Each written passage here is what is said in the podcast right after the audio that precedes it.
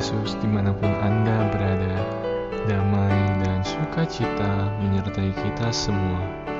Renungan Sau Bagi Jiwa yang disajikan Gereja Yesus Sejati berjudul Adalah lebih berbahagia memberi daripada menerima.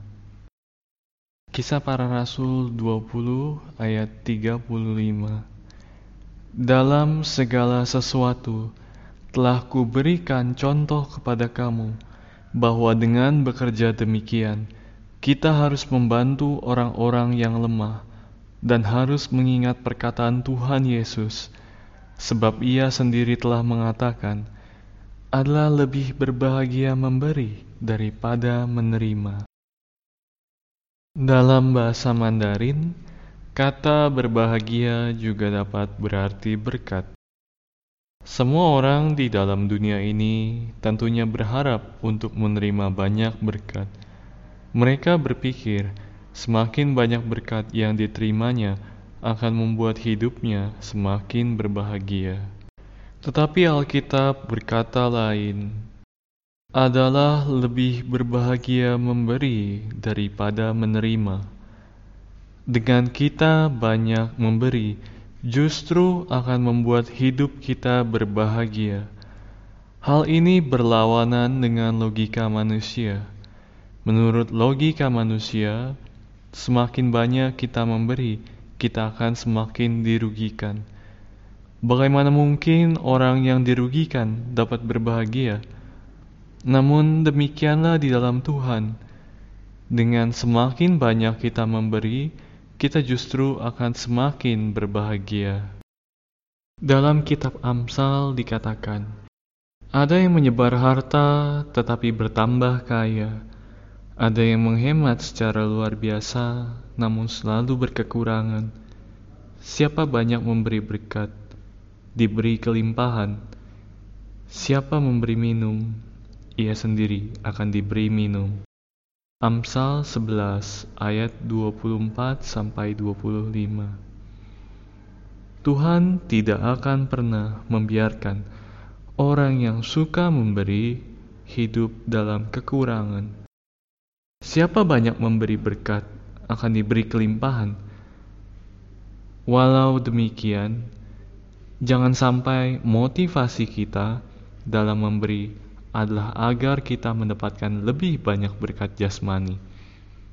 Karena Tuhan Yesus berkata, Janganlah kamu mengumpulkan harta di bumi, di bumi ngengat dan karat merusakannya, dan pencuri membongkar serta mencurinya.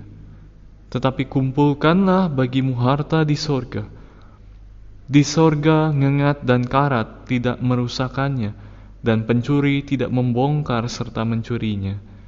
Matius 6 ayat 19 sampai 20.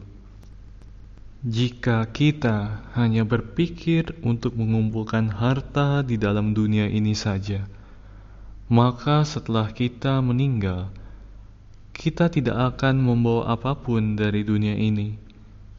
Karena itu, kita mau mengumpulkan harta di sorga yaitu dengan lebih banyak memberi. Maka setelah kita meninggal, setiap perbuatan baik dan semua pemberian kita akan diingat oleh Tuhan. Yang dapat kita berikan baik untuk Tuhan maupun sesama kita. Tidak harus dalam bentuk uang, tapi pemberian kita juga dapat berupa tenaga, waktu, kemampuan, dan lain sebagainya. Tuhan tidak menghendaki kita menggenggam semua berkat yang kita terima hanya untuk kita nikmati sendiri. Tuhan menghendaki agar kita lebih banyak memberi dan menjadi berkat bagi orang lain. Ada seorang saudari berbagi kesaksian Walau dirinya sakit, namun setiap hari ia membantu saudari lain yang terkena kanker. Ketika dia berkorban, maka semakin besar sukacita yang ia rasakan. Semakin banyak memberi, semakin suka cita rasanya. Dia berkata bahwa depresi yang ada dalam dirinya mendapatkan kelegaan dan sakitnya dipulihkan oleh Tuhan seiring dengan dia membantu orang lain. Dan ternyata di saat dia memberi, dia mendapatkan berkat kesembuhan dari Tuhan. Memberi juga dapat kita nyatakan dalam melakukan pelayanan dalam gereja. Banyak pekerjaan kudus di dalam gereja yang memerlukan pengorbanan kita. Paulus telah memberikan teladan kepada kita dalam memberi dan berkorban bagi pekerjaan Tuhan. Bahkan Paulus memberikan hidupnya untuk pelayanannya kepada Tuhan. Ketika kita mau memberi dan berkorban dalam pekerjaan Tuhan, maka Tuhan pun akan memberkati kita.